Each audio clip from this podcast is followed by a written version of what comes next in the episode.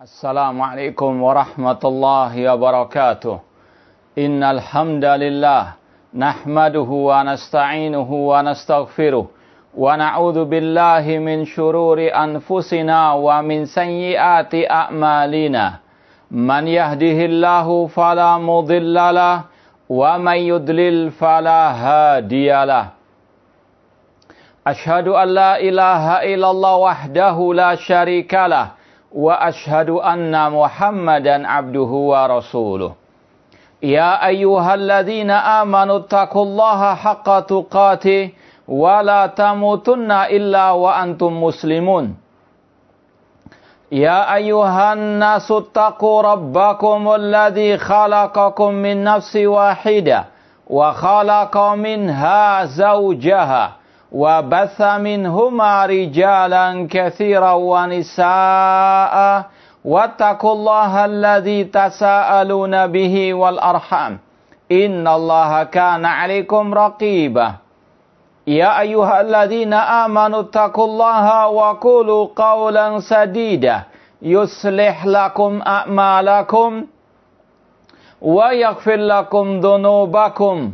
ومن يطع الله ورسوله فقد فاز فوزا عظيما. أما بعد فإن أصدق الحديث كتاب الله وخير الهدي هدي محمد صلى الله عليه وسلم. وشر الأمور محدثاتها وكل محدثة بدعة وكل بدعة ضلالة وكل ضلالة في النار. Ma'asal muslimin, ikhwani fillah wa akhwati, bapak-bapak, ibu-ibu, saudara-saudariku rahimani wa rahimakumullah. Alhamdulillah segala puji bagi Allah Subhanahu wa taala yang mempertemukan kita kembali dalam serial kajian akidah ahli sunnah wal jamaah, akidah para sahabat, para tabi'in, dan tabi'u at-tabi'in radhiyallahu anhum wa rahimallahu jami'an. Seperti yang telah kita umumkan, insya Allah pada malam hari ini kita akan mulai kembali kajian kitab baru meskipun sebetulnya sudah dua kali kita mengkaji kitab ini.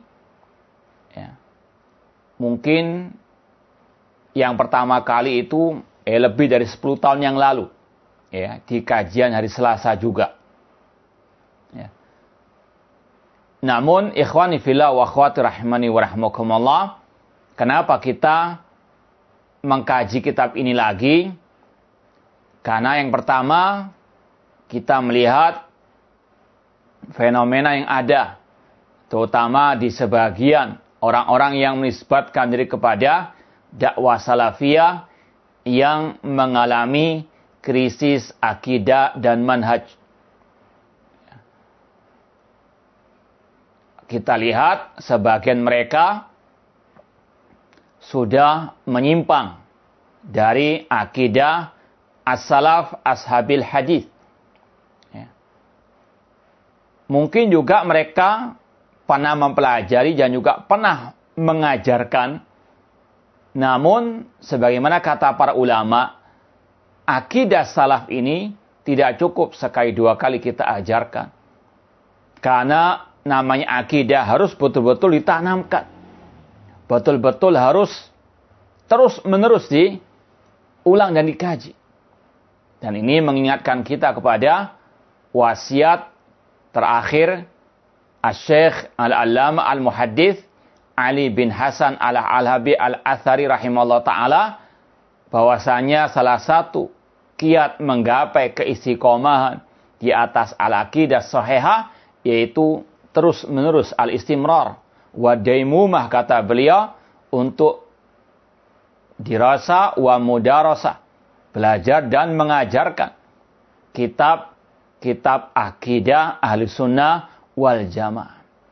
Ya, ini poin yang pertama kita ingin untuk menggapai keistiqomahan tersebut dengan terus menerus mempelajari dan mengajarkan akidah ahli sunnah wal jamaah di tengah-tengah sebagian orang-orang yang mengaku al-sunnah atau bahkan da'i salafi namun menyimpang dari akidah as-salaf ashabi al-hadis. Naudzubillahi min dalik nas'allahu ta'ala as-sabat ala hadil akidah sahihatal mamat ya muqallibal qulub tsabbit qulubana ala dinik.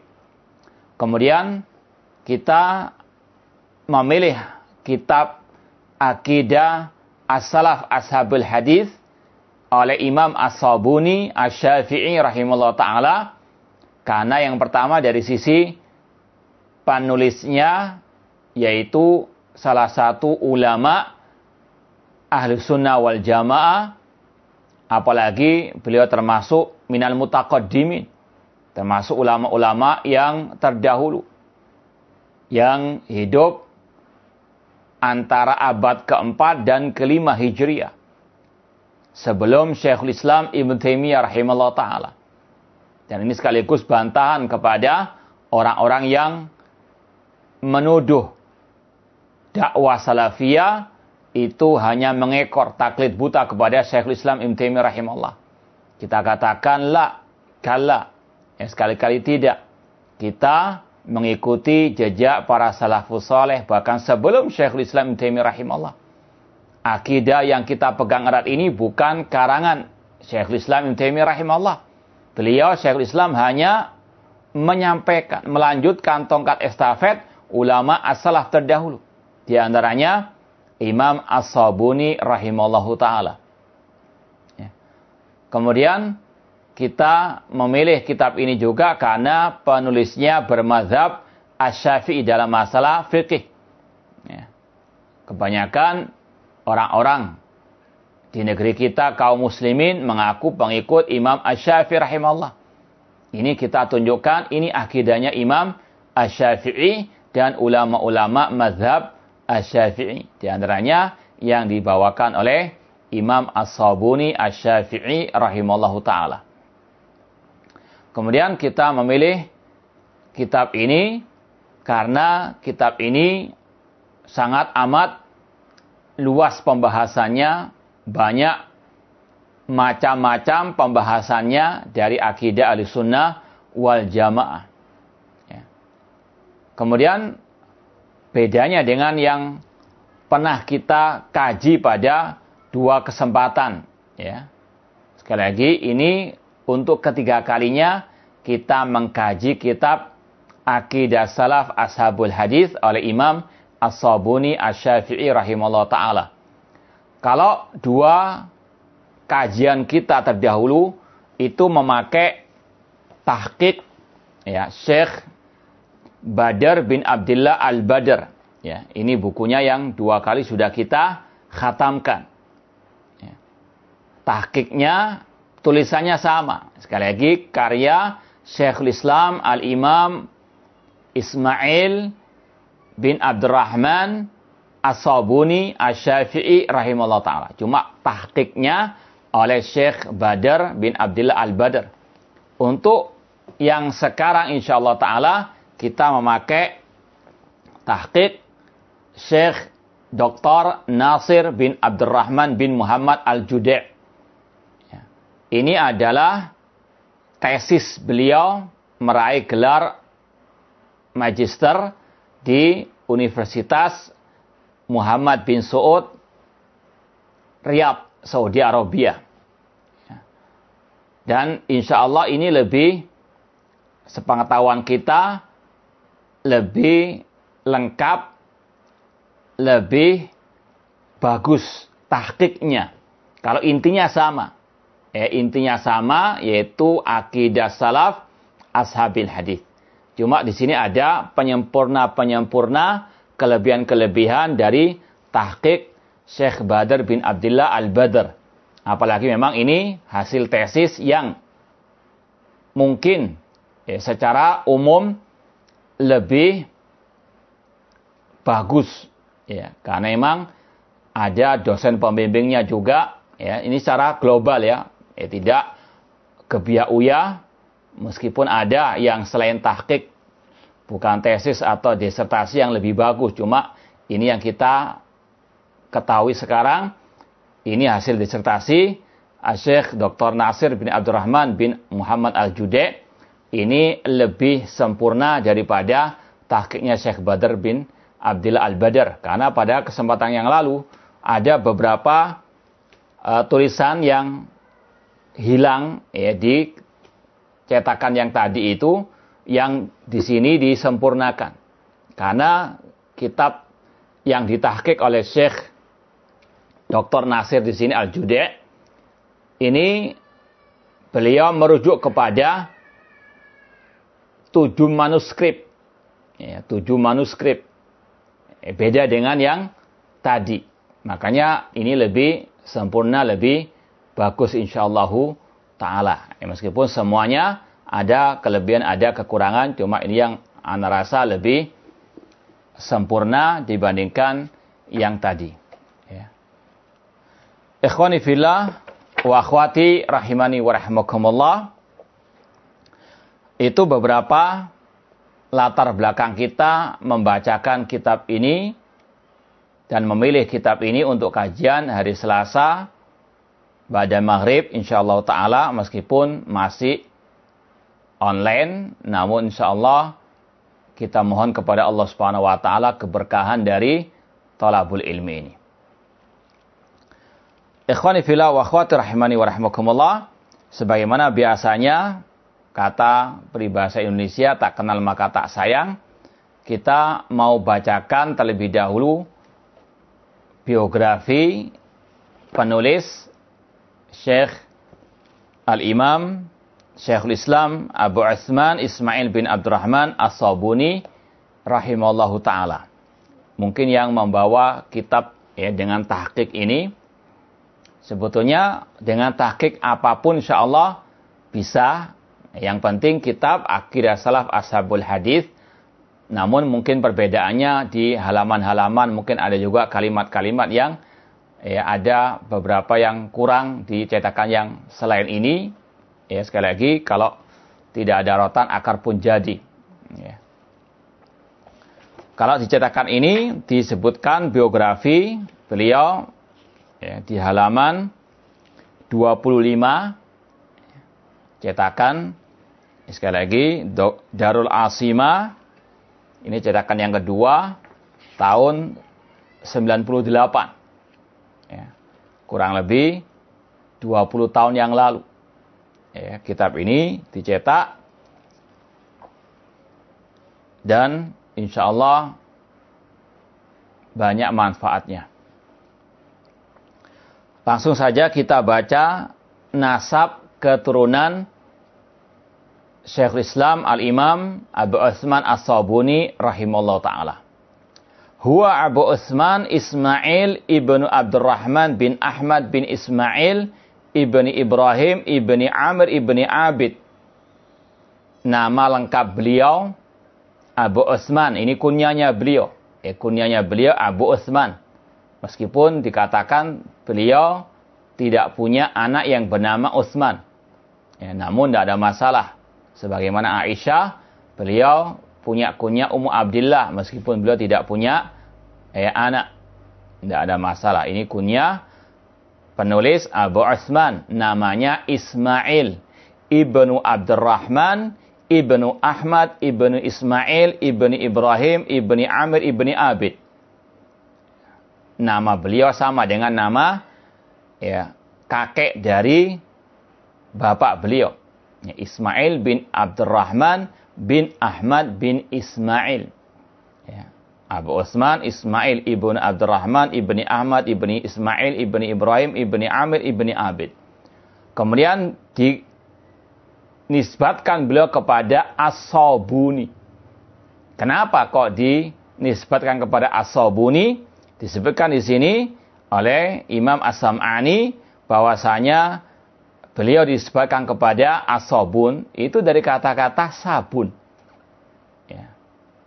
Karena kakek-kakek beliau itu dahulunya pembuat sabun.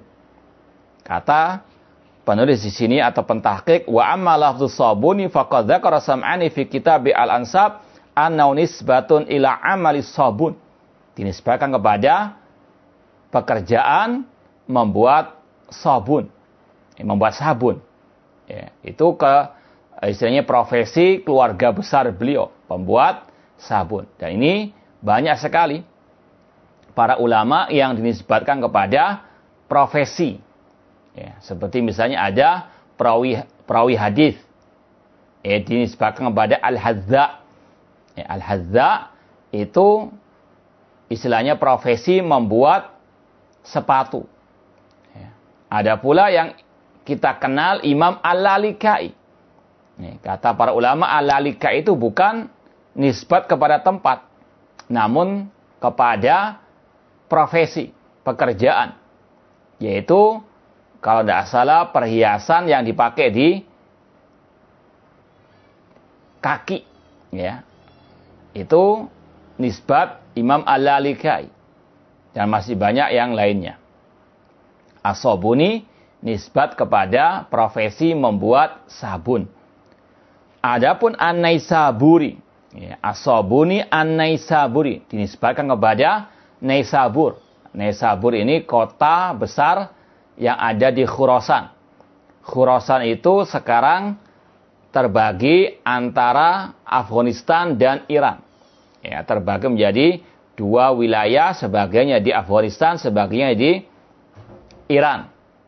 Naisabur ini kota yang ada di Khurasan. Al-Hafid. Eh, beliau digelari dengan Al-Hafid seperti Al-Hafidh Ibnu Hajar Asqalani.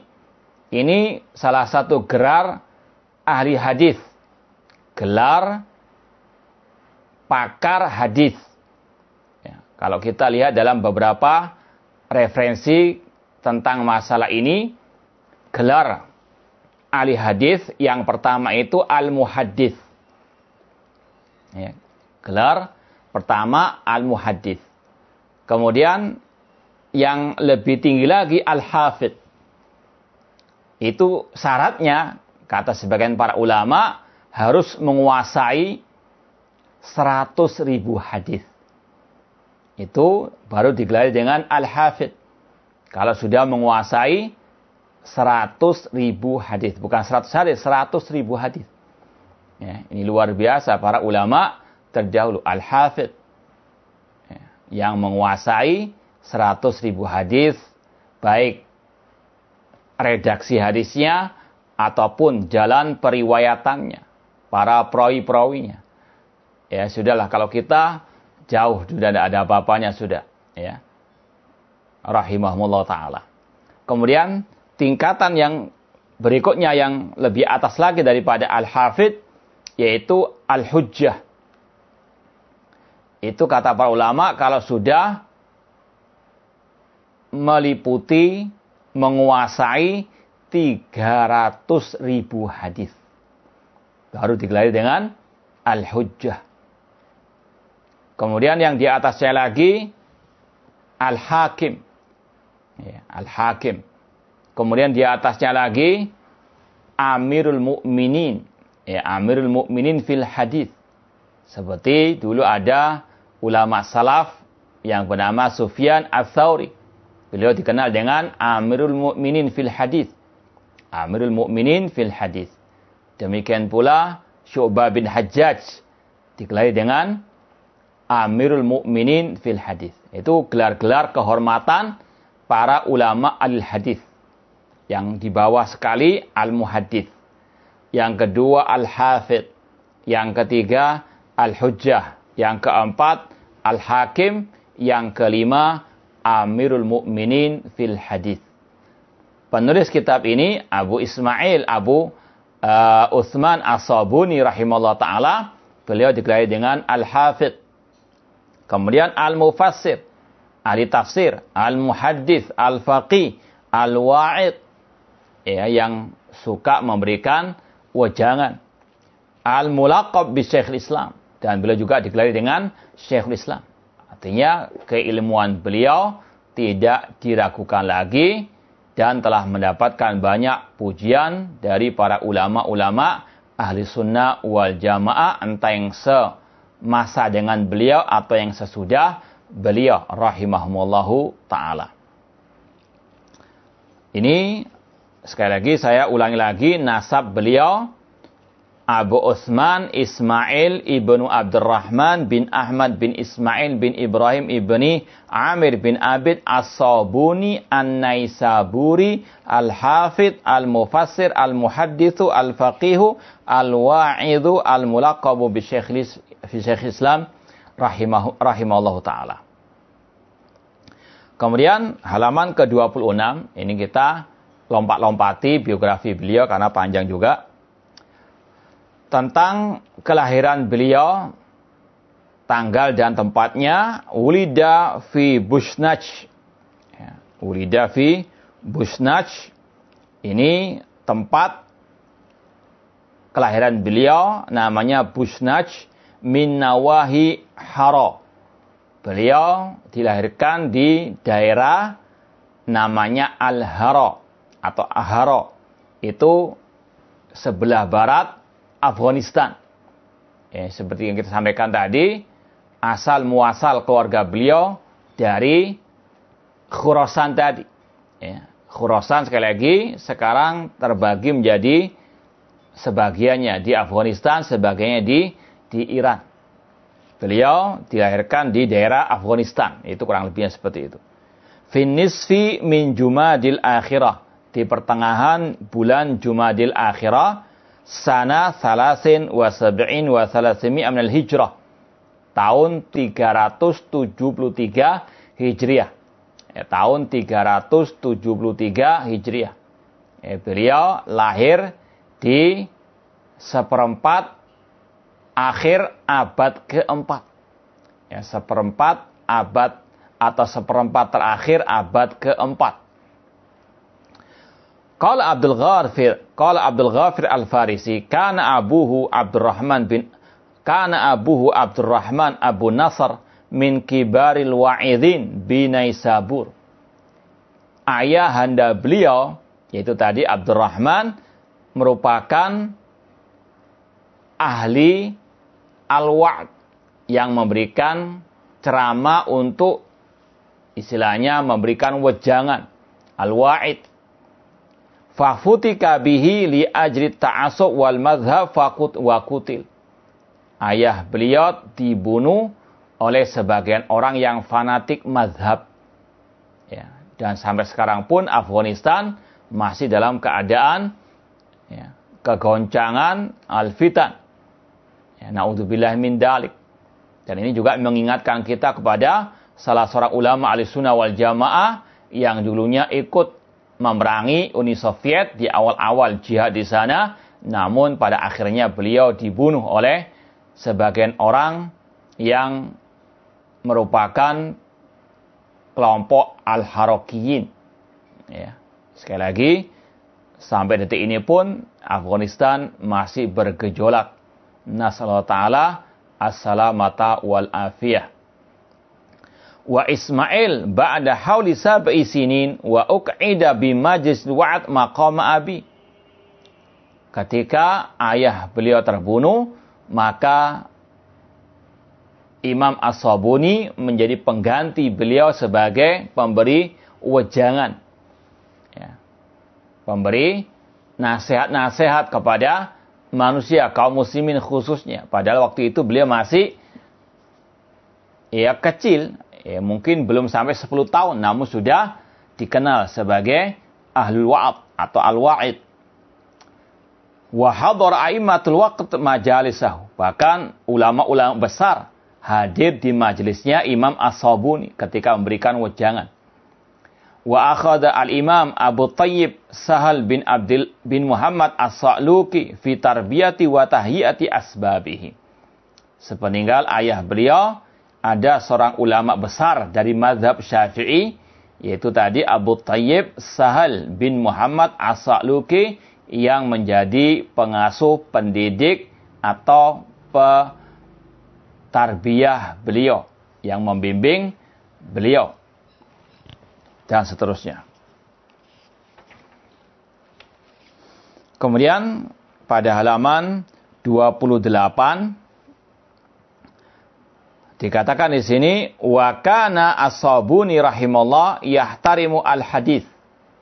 Jadi akhir paragraf halaman 28 dikatakan Imam As-Sabuni adalah orang yang sangat menghormati al-hadis wa yahtam bil asanid dan sangat mementingkan masalah sanad.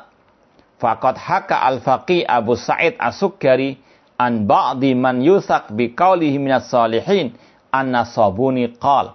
Ya, ada hikayah atau cerita dari orang yang terpercaya bahwasanya Imam As-Sabuni pernah berkata, "Ma rawaitu khabaran wala atharan fil majlis illa wa indi isnaduhu." Tidaklah aku meriwayatkan suatu hadis atau asar di suatu majelis kecuali aku punya sanatnya.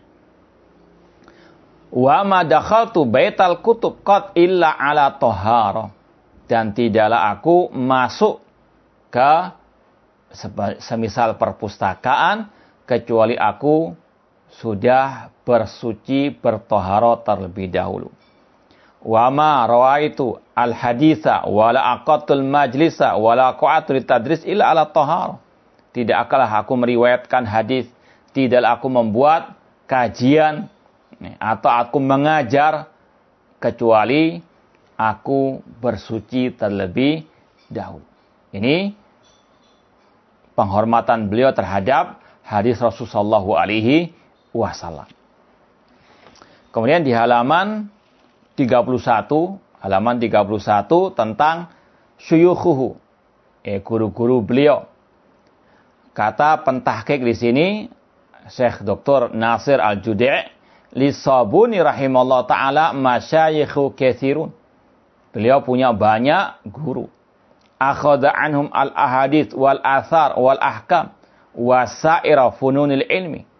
Eh, beliau menimba ilmu dari mereka, ilmu hadis atau hadis Rasulullah SAW, dan hukum-hukum syariat dan selainnya dari bidang-bidang ilmu. La'alla abrazahum ustadu al-hakim Abu Abdullah al-Hafidh an-Naisaburi.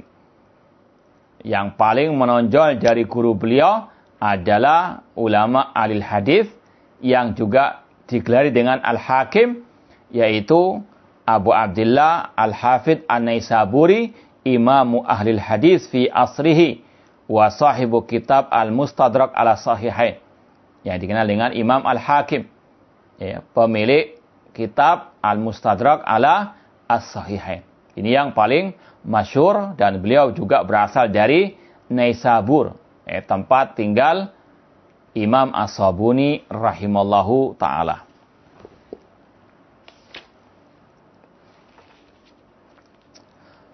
Demikian pula tadi dari salah satu guru beliau yang sudah kita sampaikan Abu Tayyib Sahal bin Muhammad As-Sa'luki Asy-Syafi'i. Ya dan masih banyak yang lainnya. Adapun murid-murid beliau banyak juga eh di antara yang paling terkenal Imam Al-Baihaqi. Imam Al-Baihaqi Asy-Syafi'i. Ya, beliau sudah kita sampaikan tadi mazhab fikihnya Asy-Syafi'i. Di antaranya karena gurunya beliau juga Asyafi'i tadi dan murid-murid beliau banyak ya bermadhab Syafi'i. Di antaranya Imam Al-Baihaqi As-Syafi'i, Asy-Syafi'i rahimallahu taala. Demikian juga ada di sini namanya Abdul Qasim Ali bin Muhammad bin Ali bin Ahmad bin Abil Ala As-Sulami Al-Masisi Al-Faqih Asy-Syafi'i. Ya, dan masih banyak yang lainnya. Kemudian kita lihat di halaman 8 tentang pujian ulama terhadap beliau. Ya. Qala fihi Abu Bakar al-Baihaqi wa huwa min akranihi. Imam Baihaqi yang sudah kita sampaikan tadi, meskipun sebetulnya beliau itu seumur istilahnya dengan Imam As-Sabuni, namun Imam Baihaqi juga banyak menimba ilmu dari Imam As-Sabuni. Kata Imam Al-Baihaqi rahimahullah ta'ala, Innahu imamul muslimina haqqan. Beliau betul-betul imamnya kaum muslimin. Wa syekhul islam sidaqan. Betul-betul beliau adalah syekhul islam. Wa ahlu asrihi kulluhum muz'inun li'uluwi sya'ni fid din. Para penduduk atau kaum muslimin yang sezaman dengan beliau itu sangat eh, patuh tunduk terhadap kedudukan ilmu beliau dalam agama ini. Wasiyada wa husnil i'tiqad.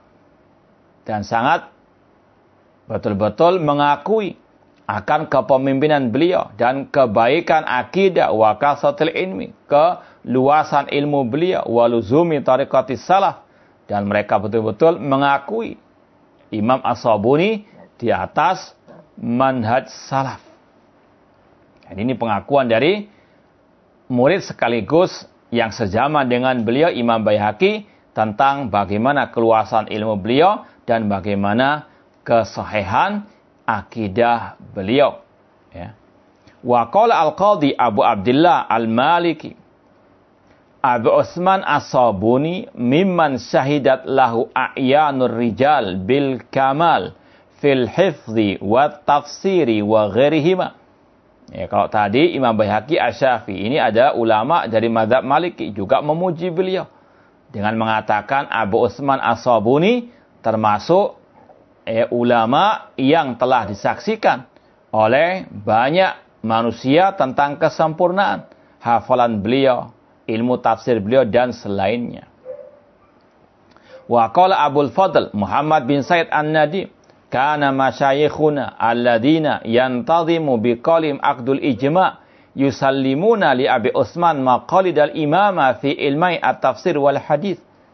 Kata Muhammad bin Said An-Nadim, dahulu para guru-guru kami yang telah istilahnya disepakati ijma mereka, mereka para ulama-ulama eh, dari guru-guru kami menyerahkan kepemimpinan ilmu tafsir dan hadis kepada Abu Utsman As-Sabuni rahimallahu taala. Ini luar biasa pujian para ulama, rekomendasi para ulama eh, terhadap keilmuan Abu Utsman As-Sabuni rahimallahu taala. Demikian pula Imam Al-Hafidh, Imam Az-Zahabi, Asy-Syafi'i rahimahullah mengatakan kana Syekh Khurasan fi zamanihi. Abu Utsman As-Sabuni adalah syekhnya penduduk Khurasan di zamannya. Dan beliau juga mengatakan kana mi a'immatil termasuk ulama-ulama ahli ahli sunnah, ahli al-athar, ahli al-hadis. Demikian pula Tajuddin As-Subki mengatakan kana mujma'an ala dinihi wa siyadatihi wa ilmihi la yakhtalif ali ahadun minal firaq. Semua sepakat tentang baiknya agama beliau, kepemimpinan beliau, keilmuan beliau. Tidak ada satupun yang berselisih tentang masalah ini dari kelompok-kelompok kaum muslimin. Ini sekali lagi menunjukkan beliau ulama ahlu sunnah wal jamaah yang selayaknya betul-betul kita menimba ilmu darinya. Yang terakhir disebutkan dari biografi beliau tentang wafatnya beliau. Tuwfiya Abu Asman As-Sabuni binai Sabur. Beliau wafat di negeri beliau, kota beliau, Naisabur, eh, Asra Yaumil Khamis. Asar hari Kamis, ya, tanggal As-Salis min Syahil Muharram. Tanggal 3 Muharram sana tis'in wa arba'in wa arba'imi'ah. Tahun 449 ya. abad kelima Hijriyah eh, minal hijrah ba'da maradin ba'da maradin asabahu. Setelah sakit yang menimpa beliau. Dan disebutkan di sini ada kisahnya yaitu ada kabar berita yang masuk kepada beliau tentang wabah penyakit. Ya, mungkin seperti kita. Ada wabah penyakit di Bukhara. Ya, di negeri imamnya Bukhari. Di negeri imamnya, di negeri negerinya Imam Al-Bukhari. Bukhara. Ya, negara pecahan Uni Soviet. Beliau mendengar di sana ada wabah penyakit. Beliau pun sebagai al-wa'id yang senantiasa memberikan wejangan, mentasgiatun nafs. Ya, beliau sangat ya terpukul dan betul-betul sangat terpengaruh ya, dengan keadaan tersebut. Ya, sampai beliau ketika memberikan wejangan tersebut, beliau pun sakit. Ya, dan beliau pun sampai berhari-hari sakit setelah itu dan meninggal dunia rahimallahu taala. Ya. Ini ringkas ringkasan dari biografi Imam As-Sabuni rahimallahu taala. Ikhwani fillah wa akhwati langsung saja kita mulai membaca sedikit ya membaca sedikit dari mukaddimah kitab ini ya kitab Aqidah Salaf Ashabul Hadis. Namun sebelumnya kitab ini kata pentahkik ya, kata pentahkik Syekh Dr. Nasir bin Abdurrahman bin Muhammad Al-Jude. Kitab ini memiliki banyak judul. Ya, sebabnya karena memang tidak ditemukan dari penulis sendiri, ya, tidak dijelaskan langsung oleh penulis apa judul aslinya buku ini. Ya, cuma ada isyarat-isyarat saja. Ya, makanya ada beberapa penamaan. Yang di sini ya cetakan ini judulnya Akidah Salaf wa Ashabul Akidatus Salafi wa Ashabil Hadis. Ya, kalau yang cetakan dulu tanpa wawu, ya, Akidatus Salaf Ashabil Hadis. Namun ini nggak ada masalah, ya, cuma sekedar mungkin ada pertanyaan. Kok di kitab dulu Akidah Salaf Ashabil Hadis. Namun dicetakan ini ada tambahan wawu, Akidatus Salafi Ashabil Hadis. Namun maknanya sama. Inilah akidah salafus soleh akidah para sahabat, tabi'in dan tabi'ut tabi'in. Ya. Dan mereka adalah ashabi al-hadis al-sunnah wal jamaah. Jadi judul yang pertama Aqidatus Salafi wa Ashabil Hadis ada wawunya. Judul yang kedua Aqidatus Salaf Ashabil Hadis tanpa waw seperti dalam cetakan yang lalu. Kemudian juga di sini ada kata-kata au ar-risalatu fi i'tiqadi ahli sunnah wa ashabil hadis wal a'immah. Eh, judul yang lainnya adalah ar-risalah fi ahli sunnah. Eh, risalah tentang akidah ahli sunnah wa ashabil hadis wal a'immah. Ya. Ada pula nama lain ar-risalah fi sunnah. Ya, jadi sekali lagi Jangan kaget kalau ada beberapa penamaan dari kitab ini. Dan itu semuanya ada sandarannya, ada rujukannya. Seperti yang dijelaskan oleh pentahkik kitab ini. Dan ini salah satu faedahnya eh, kita membawakan tahkik ini. Biar kita tahu seluk-beluk kitab ini lebih detail. Di antaranya masalah judul. Dan itu salah satu tugas tahkik. Ya, sudah pernah kita sampaikan tahkik itu artinya secara umum yaitu mengeluarkan nas yang ada di manuskrip-manuskrip. Ya, pentahkik itu mencari manuskrip-manuskrip, ya, kemudian disalin lagi, ya, tulisannya itu. Kemudian dibanding-bandingkan kalau ada manuskrip yang lainnya. Karena mungkin ada tulisan yang terpotong dilihat di manuskrip yang lain. Kemudian ya, di situ akan dijelaskan maknanya, kemudian ditakhrij hadisnya. Itu ya, salah satu bentuk ya tahqiq ya di antaranya disampaikan oleh Dr. Nasir Al-Judi di sini. Kemudian juga tadi membahas masalah judulnya itu dari mana. Kemudian yang lebih lebih penting lagi meneliti keabsahan kitab itu ketika dinisbatkan kepada sang penulis. Ya, karena banyak juga ahli bidah yang mereka terkadang nggak mengakui kitab imam mereka. Kenapa demikian? Karena nggak sesuai dengan hawa nafsu mereka, nggak sesuai dengan akidah mereka. Mereka ingkari, mereka tolak. Padahal itu betul kitab imamnya mereka. Eh, makanya itu tugas pentahkik. Ya, betul-betul meneliti. Betul nggak ini kitab tulisannya Imam As-Sabuni misalnya. Itu ada sekali lagi bukti-bukti yang otentik. Ya, seperti dalam tahkik di sini.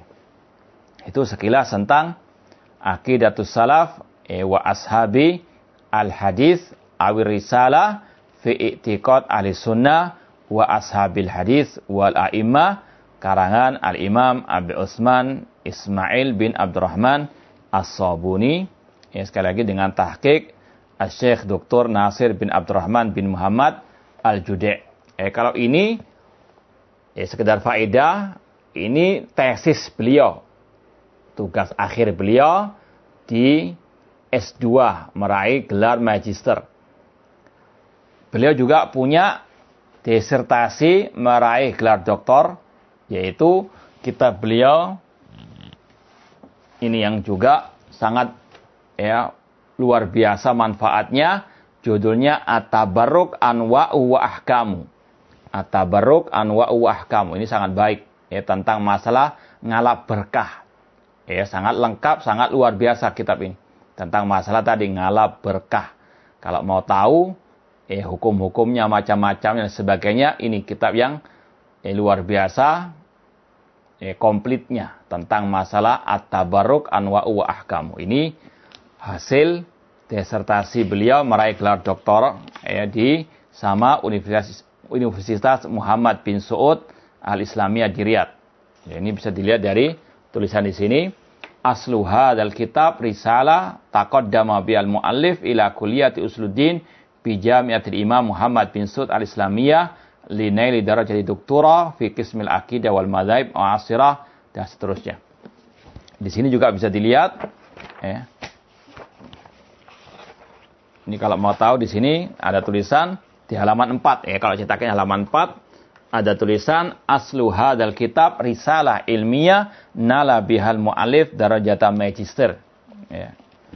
Kalau yang ini disertasi atau ini adalah tesis S2 yang itu tadi disertasi S3 dan juga banyak kitab-kitab beliau yang bermanfaat khususnya tentang masalah al-aqidah. Sedikit kita baca mukaddimah beliau atau sanat daripada buku ini. Ya, kalau aslinya intinya buku ini ya, ada di halaman 155. Di halaman 150. Jadi separuh buku ini ya, ini hasil tahqiq ya, dari pentahkik Syekh Dr. Nasir. Seperti tadi ada mukodima, kemudian di situ ada uh, biografi penulis, kemudian tentang kitab ini dan juga beliau menyampaikan apa saja pembahasan yang ada di kitab ini. Itu ya di halaman 1 sampai 150-an. Baru 155 ini inti kajian kita. Ya, halaman yang punya cetak, eh, cetakan buku ini atau di PDF mulai kita mengkajinya halaman 155. Ya, di situ beliau memulai dengan Bismillahirrahmanirrahim. Ya, sebagaimana biasanya para ulama memulai kitab mereka dengan basmalah untuk mengikuti Al-Quran karena di awal-awal surat pasti ada basmalah kecuali surat At-Taubah atau Al-Bara'ah. Demikian pula mengikuti jejak Rasulullah SAW ketika menulis surat kepada para penguasa pada waktu itu dengan basmalah. Dan sering kita sampaikan juga bedakan dalam masalah zikir antara basmalah yaitu bismillahirrahmanirrahim dengan mengucap bismillah saja. Rata-rata zikirnya Rasul kalau ya mau memulai aktivitas entah makan, minum, itu dengan bismillah saja. Mau menyembelih bismillah saja, bukan bismillahirrahmanirrahim. Ya gulam samillah. Ketika beliau mengajarkan anak kecil membaca zikir sebelum makan dengan mengajarkan samillah. Sebut nama Allah. Yaitu dengan mengatakan bismillah. Tanpa bismillahirrahmanirrahim mau wudu bismillah ya, Rasul mengatakan la wudu'a liman lam yadhkurismallah alaih. Tidak sah wudu tanpa menyebut nama Allah. Cukup bismillah. Ya, makanya kata ulama bismillahirrahmanirrahim itu disyariatkan ketika menulis surat seperti ini atau menulis buku atau ketika membaca awal surat Al-Quran. Adapun dikir-dikir rata-rata yang Rasul ajarkan cukup dengan bismillah saja. Kemudian di sini ada doa Rabbi Yasir wa'in bi fadlika wa rahmatik. Doa, ya Allah, wahai Rabbku, mudahkan dan tolonglah dengan karuniamu, dengan rahmatmu. Dan juga kita mohon kepada Allah, agar kita bisa mengkaji kitab ini dengan baik dan benar. Semoga Allah SWT memberikan pertolongan kepada kita, memudahkan untuk kita bisa memahami kitab ini dan betul-betul menanamkannya dalam lubuk hati kita yang terdalam dan untuk kita bisa istiqomah di atas akidah salaf ashabil hadis.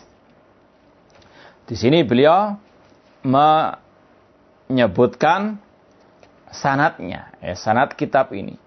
Ya, kita baca saja, ya, kita baca cukup untuk kita tahu.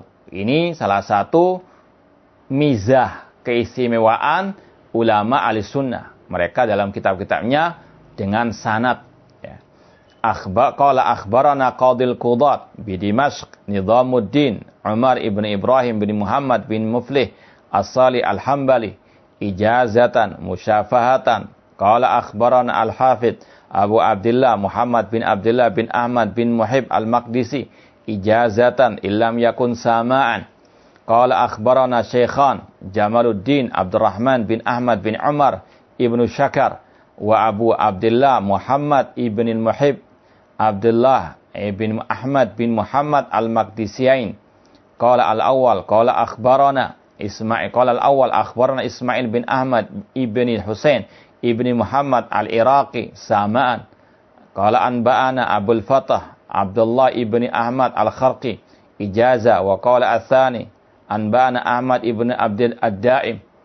Ini eh, sanad beliau. Kemudian wa akhbarana al-muhaddits Tajuddin Muhammad ibn al-Hafid Imaduddin Ismail bin Muhammad ibn Bardis al-Ba'li fi kitabih Qala anba'ana Abu Abdullah Muhammad ibn Ismail bin Al-Khabbas syafahan. Qala akhbarana Ahmad bin Abdul Daim ijazatan. Ilam yakun saman.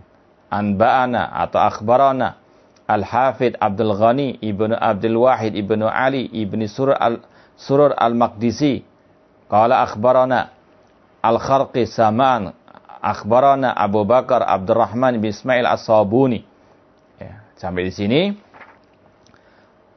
ya ada kata-kata ada sana walidi Syekh Islam Abu Asman Ismail bin Abdurrahman fadzakarah wa akhbarana Qadil Qudat Izzuddin Abdurrahim bin Muhammad bin Furat Al-Hanafi ijazatan musyafaha. Akhbarana Mahmud ibn Khalifah ibn Muhammad bin Khalaf Al-Munbaji ijazatan. Akhbarana Al-Jamal Abdurrahman ibnu Ahmad ibnu Umar ibnu Syakar bisanadihi. Qala alhamdulillahi rabbil alamin wal aqibatul muttaqin wa sallallahu ala Muhammadin wa alihi wa sahbi ajma'in. Amma ba'd. Ini sampai di sini awal mukaddimah yang disampaikan oleh Imam As-Sabuni rahimallahu taala. Ya insyaallah pada kesempatan yang akan datang kita akan mulai mengkaji kitab Akidah Salaf wa Ashabil Hadis oleh Imam As-Sabuni rahimallahu taala.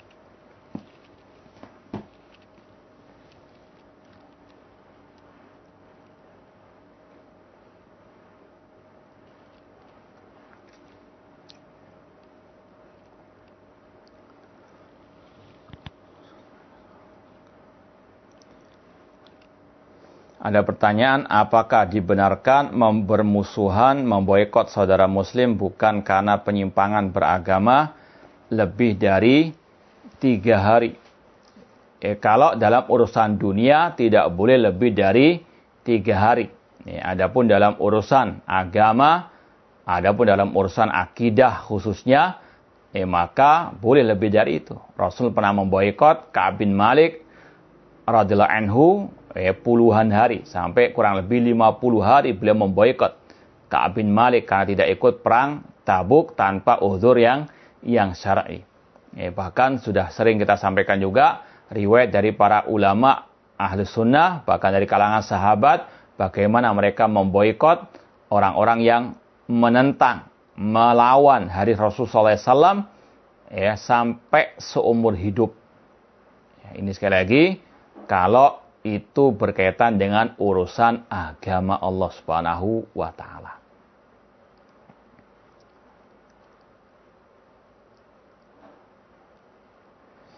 apa benar jika seseorang meninggalkan istighfar atau zikir yang lainnya dengan alasan belum bisa direnungi makna zikir tersebut? Eh, tidak benar. Tetap berzikir sesuai dengan tuntunan Rasulullah SAW sambil dipelajari maknanya. Memang yang paling ideal kita melafatkan zikir tersebut dan kita memahami maknanya, isinya. Sebagaimana kata Imam Ibn Qayyim rahimahullah, afdalul dzikr wa anfa'uhu ma wa ta'al qalbu al-lisan. Semulia-mulia zikir dan yang paling bermanfaat adalah zikir yang diucapkan oleh lisan dan dipahami oleh oleh hati. Makanya para ulama menulis juga kitab-kitab yang berkaitan dengan makna zikir. Ya, seperti Syekh Dr. Abdul Razak bin Abdul Muhsin Al-Abbad Al-Badr hafizallahu taala eh, menulis kitab tentang fikih eh, zikir dan doa. Nah, namun sekali lagi kalau belum bisa dipahami tetap diucapkan. Namun sekali lagi yang penting itu berasal dari Ar-Rasul Sallallahu Alaihi Wasallam, bukan zikir yang ngarang-ngarang sendiri.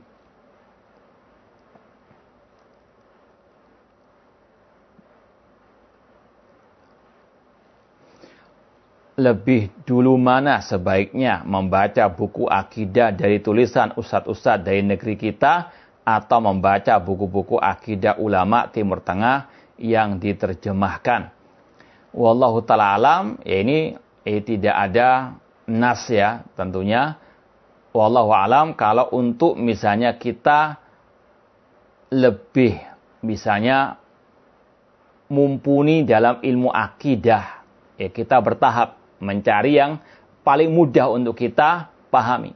Ya, kalau mungkin dari ustadz kita yang betul-betul ala akidah salafiyah, betul-betul manhajnya yang benar, beliau menulis akidah dan beliau mengumpulkan ringkasan, eh, maka kita, kita membacanya itu lebih mudah untuk kita pahami, maka tidak ada masalah. Eh, sambil meningkat kepada yang lebih mendalam eh, masalah akidah tersebut. Yang penting sekali lagi di atas akidah as-salafiyah ashabil hadis. Tentang kunyah, apakah kita yang awam ini boleh membuat kunyah? Iya. Ya, siapa pun, meskipun belum menikah, meskipun belum punya anak, boleh memiliki kunyah dan itu sunnah. Ya, Rasul memiliki kunyah Abu Qasim, Abu Bakar itu kunyah, Abu Hafs kunyahnya Umar bin Khattab, Imam Syafi'i kunyahnya Abu Abdullah, tadi. Ya Imam As-Sabuni kunyanya Abu Utsman. Itu salah satu sunnah Rasul sunnah para sahabat sunnah para ulama ahli sunnah wal jamaah. Eh meskipun sekali lagi anak kecil pun boleh punya kunyah. Seperti ketika Rasul bercanda dengan seorang anak kecil yang eh, kunyanya Abu Omer. Ya Abu Omer ma fa'ala an anak kecil namun sudah punya kunyah. Boleh, siapa pun punya kunyah. Nggak harus ulama, nggak harus orang itu punya anak juga. Nah.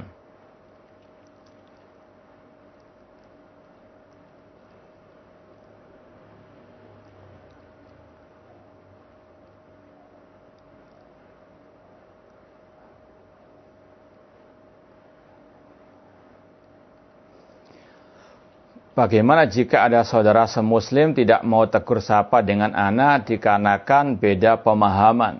Jadi anak nanya jadi juga gimana jadi malas karena dia yang mendiamkan anak bagaimana sikap anak. Ya, kalau misalnya orang itu sudah antum tegur, sudah antum salami namun nggak jawab, ya sudah. Ya, wa ma'alaina illa al balagh.